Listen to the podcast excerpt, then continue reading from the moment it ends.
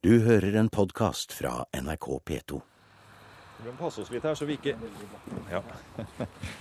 Det, det ligger jo så idyllisk her, eh, helt nede ved Tinnsjøen her. Akkurat i dag er det jo litt sol her, òg? Det er det heldigvis. Du var heldig med været. Det er litt sånn når, når, du- når du jobber på, på Vemork, som ligger i andre enden av dalen, så kommer en til Mjel, så åpner liksom verden seg litt. Det, det er veldig fint. Det er det. Sol og natur og vann og kjempeflott. La oss gå litt langs eh, Ja, det er jo egentlig et eh, fergeleie som vi går på her, og også en eh, jernbanestasjon.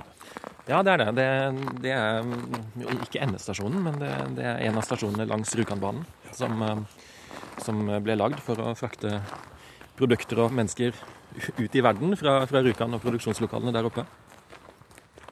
Veien ut i verden, sier direktør Jan Anders Dam-Nilsen fra Norsk Industriarbeidermuseum på Vemork.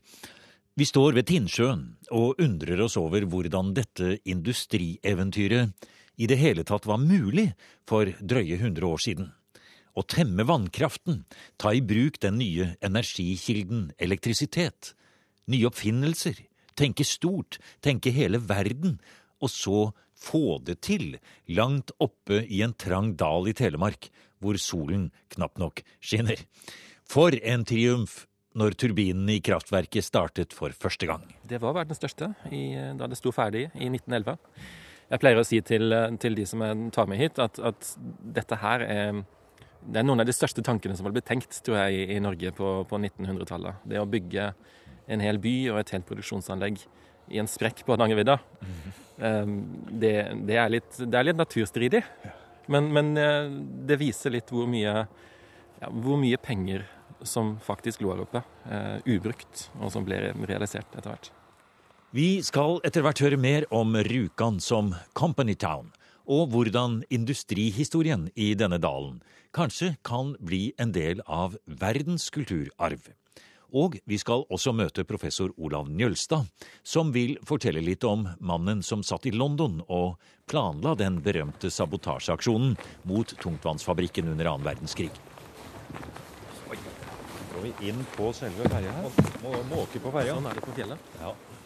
Godt fortøyd ved stasjonen på Mel ligger dampfergen Ammonia, søsterskipet til DF Hydro, som ble sprengt under krigen.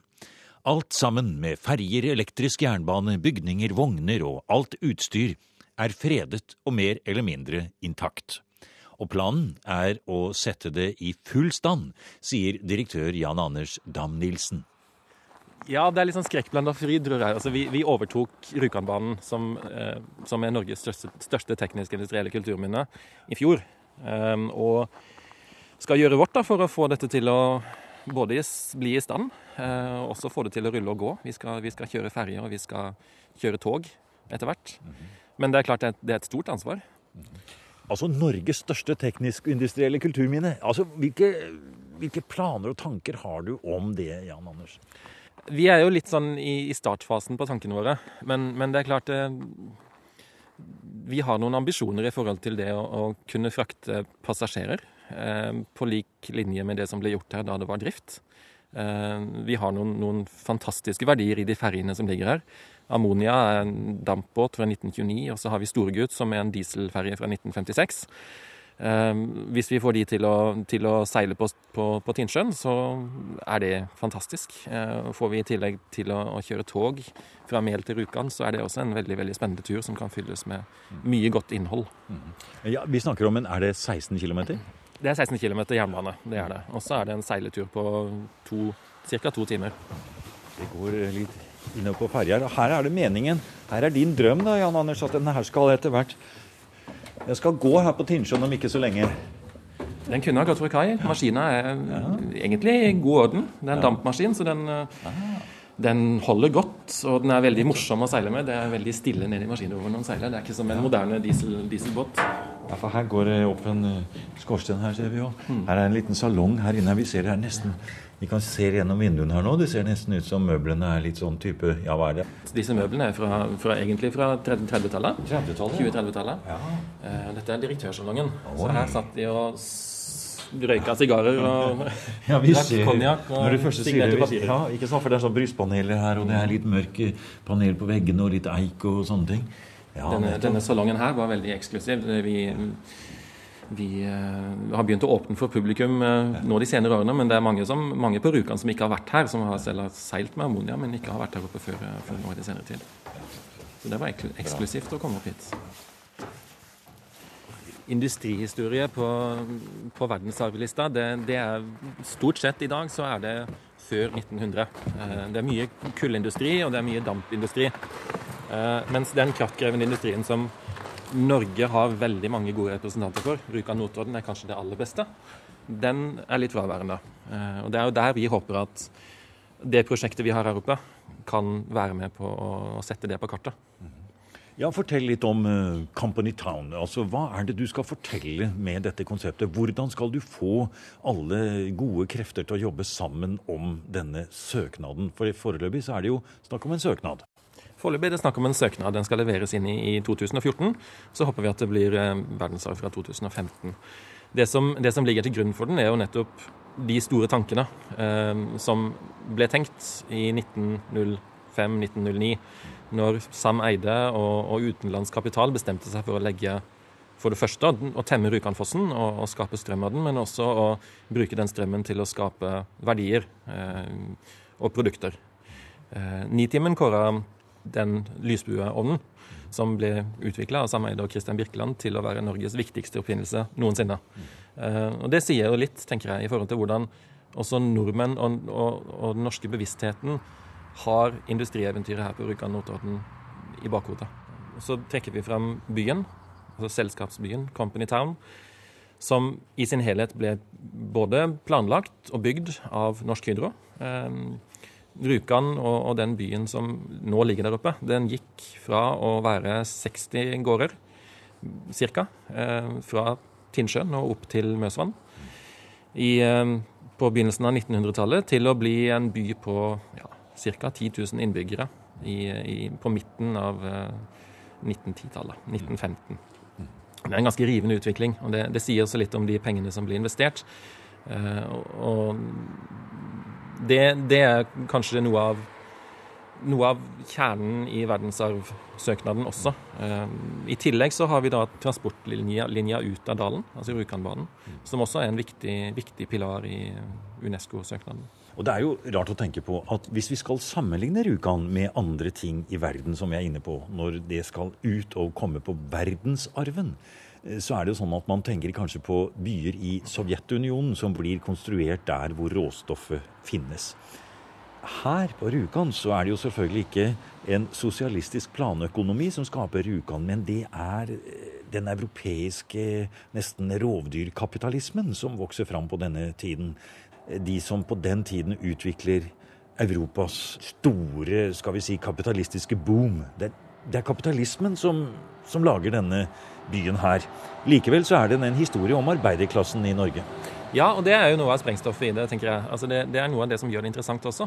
Eh, å se nettopp på hvordan, hvordan kampen har stått mellom pengene, altså kapitalismen, og, og arbeiderne, og hvordan de egentlig fant ut av ting sammen, også i hvert fall i startfasen.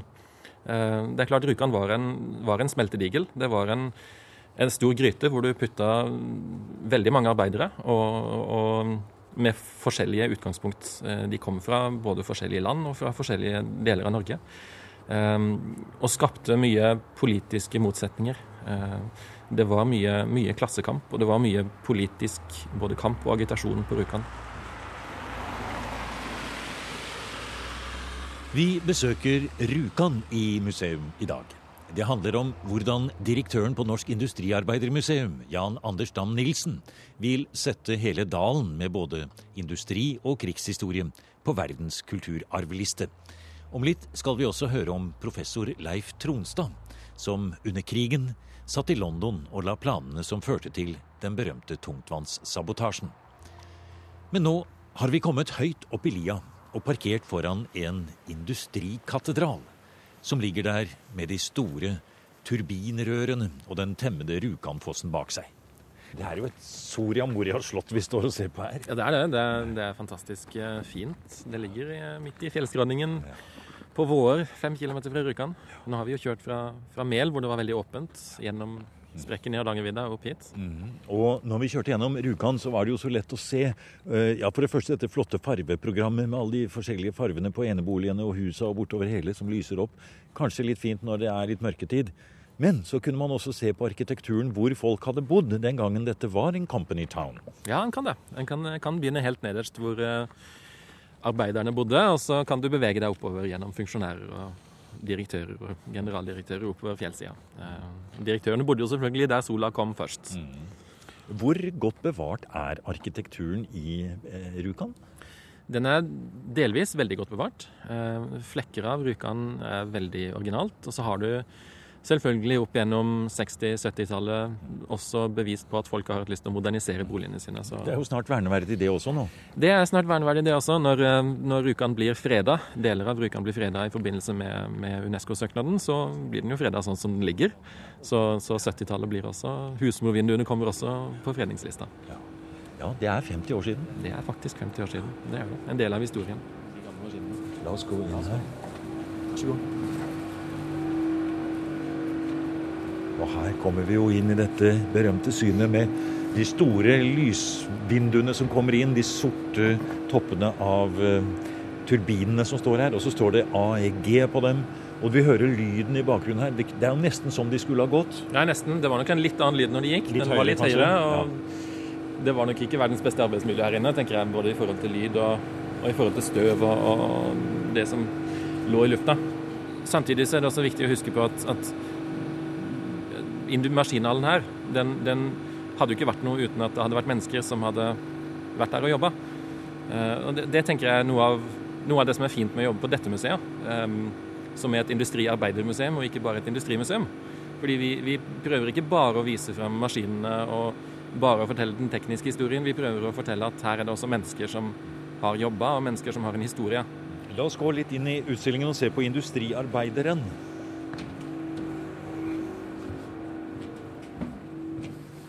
Det er eh, med en gang litt annen eh, lyd der, men vi hører industrilyden ligge litt bak. Og her står det en helt ny utstilling satt opp i en av hallene. Og det er, som du sier, menneskene. Industriarbeideren, de som bygde dette, altså. Ja, det, er- det er viktig å få fram at uh, noe av målet vårt er å prøve å fylle de gamle hallene med mennesker igjen. Uh, ikke bare besøkende, men også med de som faktisk jobber her. Gjennom den historien som, som brukeren har. Det er jo kanskje også noe av det som er fint med, med som vi snakker om, verdensarvsøknaden. Den um, dreier seg om kulturhistorie, ikke bare natur. Og selv om det er mye industri og arkitektur og, og produksjonslokaler og sånne ting, så er det jo også menneskene som, som havner på verdensarvlista. Menneskene og de livene de levde her på Rjukan. Um, det det syns jeg er veldig fint. Vi går her i de forskjellige avdelingene og ser hele tidslinjen som er lagt fremover her. Eh, Men det er ikke bare eh, Rjukan, ser vi, som dere er opptatt av. Her ser vi f.eks. Eh, Norske Skogs papirfabrikk i Skogn.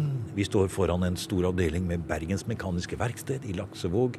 Devolds, eh, altså trikotasjeindustri. Eh, tresliperier. Norsk Hydro. Det er jo en helhet dere forsøker å få frem her. Ja, det er det. Det, det er jo ikke bare på Rjukan det har vært industriarbeidere. Så, så det vi har prøvd her, er å fortelle den norske industriarbeideren sin historie fra, fra 1950-tallet, med um, tungt, hardt arbeid um, gjennom 1960-, 70-, 90-tallet, 2000-tallet. hvor- Og se på hvordan industriarbeideren har forandra seg fra å være ja, en arbeider som jobber med, med hendene, til å bli en høyteknologisk arbeider som jobber med, med spaker og, og knapper eh, i stedet for. Eh, det, det er en ganske viktig historie. Vi, vi, eh, føler at den sier noe til oss moderne mennesker eh, i dag. Her står vi inne i nettopp den delen du snakker om. Det handler om silisium, det handler om solceller, og det handler om Thomas, som står bildet bilde av på veien her. Eh, og det skal være et eksempel på den nye industriarbeideren. Hva er det det står her, eh, Jan Anders? Her står det Vi, vi har prøvd å presentere én arbeider i hver, i hvert, uh, hver paviljong, hver industriarbeidsplass. Og Thomas han, uh, han er en industriarbeider uh, fra 2008 som har en familie. Han er skilt, han har en datter. og han, han sliter kanskje med litt av de samme tingene som industriarbeideren fra 1950 i forhold til det å ikke ha tid til ting. Han uh, har uh, studier, han har mye å følge opp på jobb, han har mye å følge opp i fritida, og, og har ikke så mye tid til overs. Det, det, er kanskje mye av det samme som, uh, som de også hadde på 1950-tallet. Her borte har vi en vegg hvor det står 'Framtidens arbeidere'. Her er det en krystallkule, nær sagt, men det er en vegg med huller i et gjerde, akkurat som et anleggsgjerde. Med øyne på en måte gjennom, så vi kan se gjennom her. Skal vi se. Her Jaha. Hva er dette? Fyrstikkindustri? Menneskehandel? Fremtidens arbeidere? Ja, det er kanskje en litt eh, Det er en positiv tittel, men det er kanskje et litt dystert bilde som blir tegna. Vi vi ser jo at industriarbeidere fins ikke bare i Norge, det fins også ute i verden. Um, og det fins også veldig mange steder i verden som kanskje har litt utfordringer når det gjelder uh, hvem og hvordan uh, industrien arbeider. Um, her har vi prøvd å vise frem at det fins uh, steder i verden hvor barnearbeid er mer regelen enn unntaket. Uh, og de er industriarbeidere, de også. Og i det globale samfunnet så er det jo de som skal sørge for den veksten som stadig skal drive alt fremover.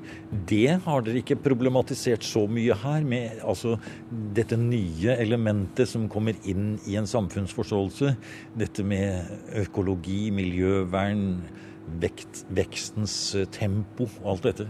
Vi har prøvd å ta opp det også i utstillingen. Vi, vi har, eh, Som en avslutning på hele industriarbeiderutstillingen så har vi nettopp trukket linjene til både barnearbeid og, og, miljøutfordringer som industrien historisk sett ikke har vært opptatt av, men som kanskje begynner å bli mer og mer viktig i forhold til å, å satse på jordvarme, ny energi, eh, økologiske, økonomiske, energiøkonomiske bygninger. Og ikke minst solcellepaneler, og, og, også den måten industrien kan utnytte seg av eh, de mulighetene og de, de utfordringene som ligger der.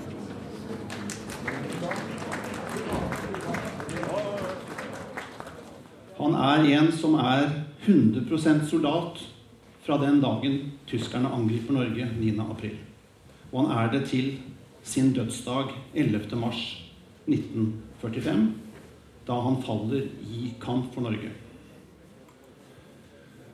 Han vokste opp i Sandvika Nøyaktig på dagen 70 år etter 27.2.1943 holder historiker og forfatter Olan Jølstad foredrag på Rallarhuset i Rjukan om kjemiprofessor og major Leif Tronstad. Kanskje for mange et ukjent navn, men under krigen var det Tronstad som både planla og foreslo sabotasjeaksjonen mot Norsk Hydros tungtvannsfabrikk på Rjukan. Ja, jeg har jo gitt ut en bok om professor Leif Tronstad som var professor i kjemi på NTH, som det het den gangen. Og eh, som tidlig på 30-tallet, når tungtvannet ble oppdaget, veldig tidlig da innså at her kunne man i Norge ha et unikt fortrinn framfor de aller fleste land når det gjaldt å produsere dette nye stoffet i industriell målestokk. Og han tenkte da på denne fabrikken her på Vemork, for han jobbet også som konsulent for Norsk Hydro. Eh, så han foreslo at man skulle etablere en eh, fabrikk for fremstilling av tungtvann. Og det er litt interessant, for på den tiden var det jo ingen som visste hva tungtvannet skulle kunne brukes til. Men man ante, og hans intuisjon sa ham, at dette vil en dag bli veldig viktig. Men da har vi altså den situasjonen at mannen som foreslo for Hydro at de skulle lage dette produksjonsanlegget her, er også den samme mannen som etter krigsutbruddet melder seg til tjeneste, og så Ja, han sitter vel kanskje i London og, og tenker ut et angrep, et raid, på fabrikken han selv har vært med på å konstruere? Ja, det blir sånn etter hvert. Altså, han er først involvert i motstandsarbeid her hjemme, og så får han meldinger om at tyskerne ønsker en dramatisk opptrapping av produksjonen av tungtvann på Vemork. Og han har jo gode forbindelser her og prøver å undersøke nærmere hva som skjer. Og når han etter hvert må flykte til London, så går han rett inn i forberedelsene av den aksjonen som kommer da i flere omganger for å få stanset produksjonen her. For det er vel også et poeng som du sier her nå. Den aksjonen vi kjenner til, altså Helter fra Telemark, altså SOE-aksjonen, den britiske, som er vellykket, og som har norske sabotører, det er ikke første gang man prøver seg på å eh, ødelegge tungtvannsanlegget her. Nei, det starter jo med en aksjon som den britiske uh, combined operation vi skal gjennomføre, altså som er uh, kommandosoldater. Som skal flys inn med glidefly og lande på Hardangervidda. Få hjelp av norske lokalkjente folk til å komme seg ned hit og gjennomføre et raid. Antagelig en ren selvmordsoperasjon om flyene i det hele tatt hadde landet trygt på, på vidda. Det gjør de jo ikke. De styrter, og hele aksjonen blir en tragedie. Eh, Tronstad hadde advart mot denne aksjonen hele tiden, for han sa at eh, det er mye bedre at vi kan bruke lokalkjente nordmenn til å gjøre en sabotasjeaksjon. Eh, men de allierte hadde ikke noe tro på at norske soldater kunne greie dette på egen hånd, og ville gjøre det på den måten. Så det var først når Freshman-operasjonen, som den het, mislyktes, at det ble åpnet for denne SOE-aksjonen som du nevnte. Og da ble Tronstad veldig sentral, fordi at han jo kunne denne fabrikken i hodet. Og kunne ved hjelp av en nær medarbeider som i mellomtiden også var blitt hentet over til London, konstruere en kopi av tungtvannsanlegget som befant seg nede i kjelleren i fabrikken som sto foran her. Ja, jeg tror. Og da kunne man øve på den eh, i forberedelsene til aksjonen. Du sier som sto foran her, for det er jo et poeng som er viktig her. For det, det man ser i dag, det som ble sprengt den gangen, det står jo ikke her nå. Nei, Nei. man hadde ikke den flotte utsikten herfra som vi har i dag. Nei. Det sto en stor, ganske stygg eh, betongfabrikk i mange etasjer, og i kjelleren befant da denne eh, tomtmannsfabrikken seg. Og det var et viktig poeng i neste runde, for etter den vellykkede sabotasjeaksjonen her, så gikk det jo ikke mer enn et halvt år før produksjonen var i gang igjen. Og da insisterte de allierte på at dette skulle nå tas hånd om en gang for alle gjennom en bombeaksjon. Altså et angrep med fly, bombefly. Og igjen advarte Tronstad. Han sa at dere kommer aldri til å ødelegge fabrikken i kjelleren av denne gigantiske fabrikken ved å slippe bomber fra luften. Eh, Og han fikk jo helt rett. Det har jo vært mange som har snakket om uh, Njølstad, hva denne aksjonen betød eller ikke betød. Men med din kunnskap til eh, det som skjedde under krigen, og i forhold til eh, London-regjeringen, i forhold til de britiske aksjonene, det å ha en vellykket kommandooperasjon på denne delen av krigens gang, hva er din vurdering av det?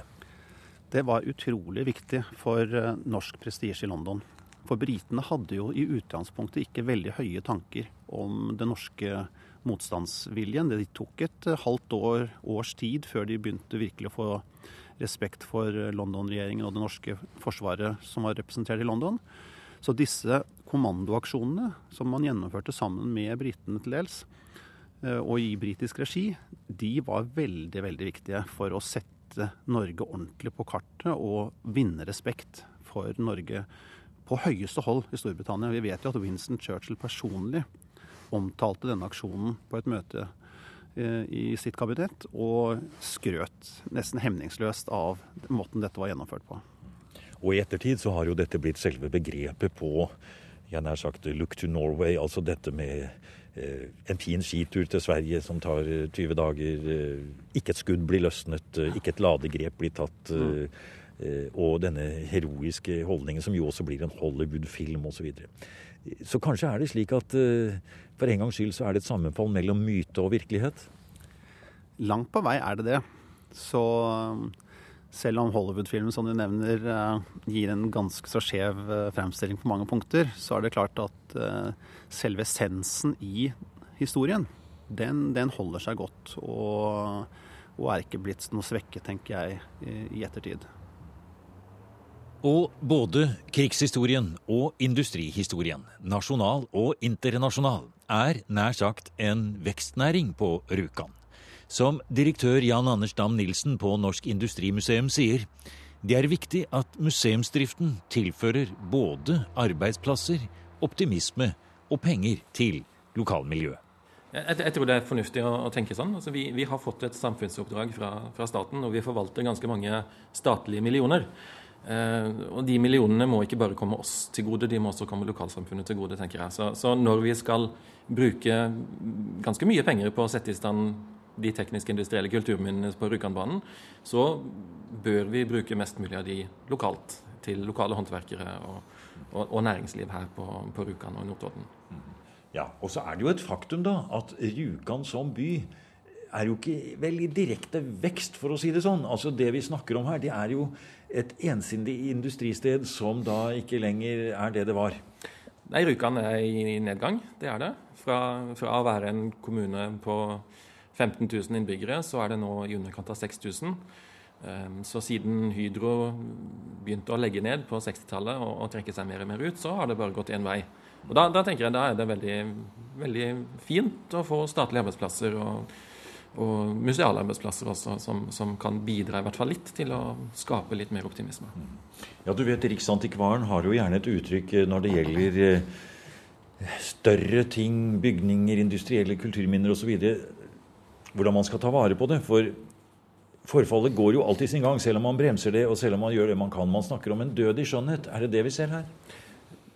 Ja, både, både det, og så tror jeg også Riksantikvaren har et annet uttrykk som heter vern gjennom bruk. Og det, det, har jeg kanskje lyst til å henge meg enda mer opp i. fordi hvis du ikke, hvis du ikke bruker ting, så, så, forsvinner det veldig sakte og sikkert. Uh, og Det gjelder kanskje ikke bare for kulturminnene, men det gjelder for byen også. Den må, den må brukes, ellers så forsvinner den. Du har nå hørt programmet Museum som podkast fra NRK. Museum sendes i NRK P2 på lørdager klokken 16 og søndag morgen klokken 8. E-postadressen er museum.krøllalfa.nrk.no. Og nå har museum også en side på Facebook.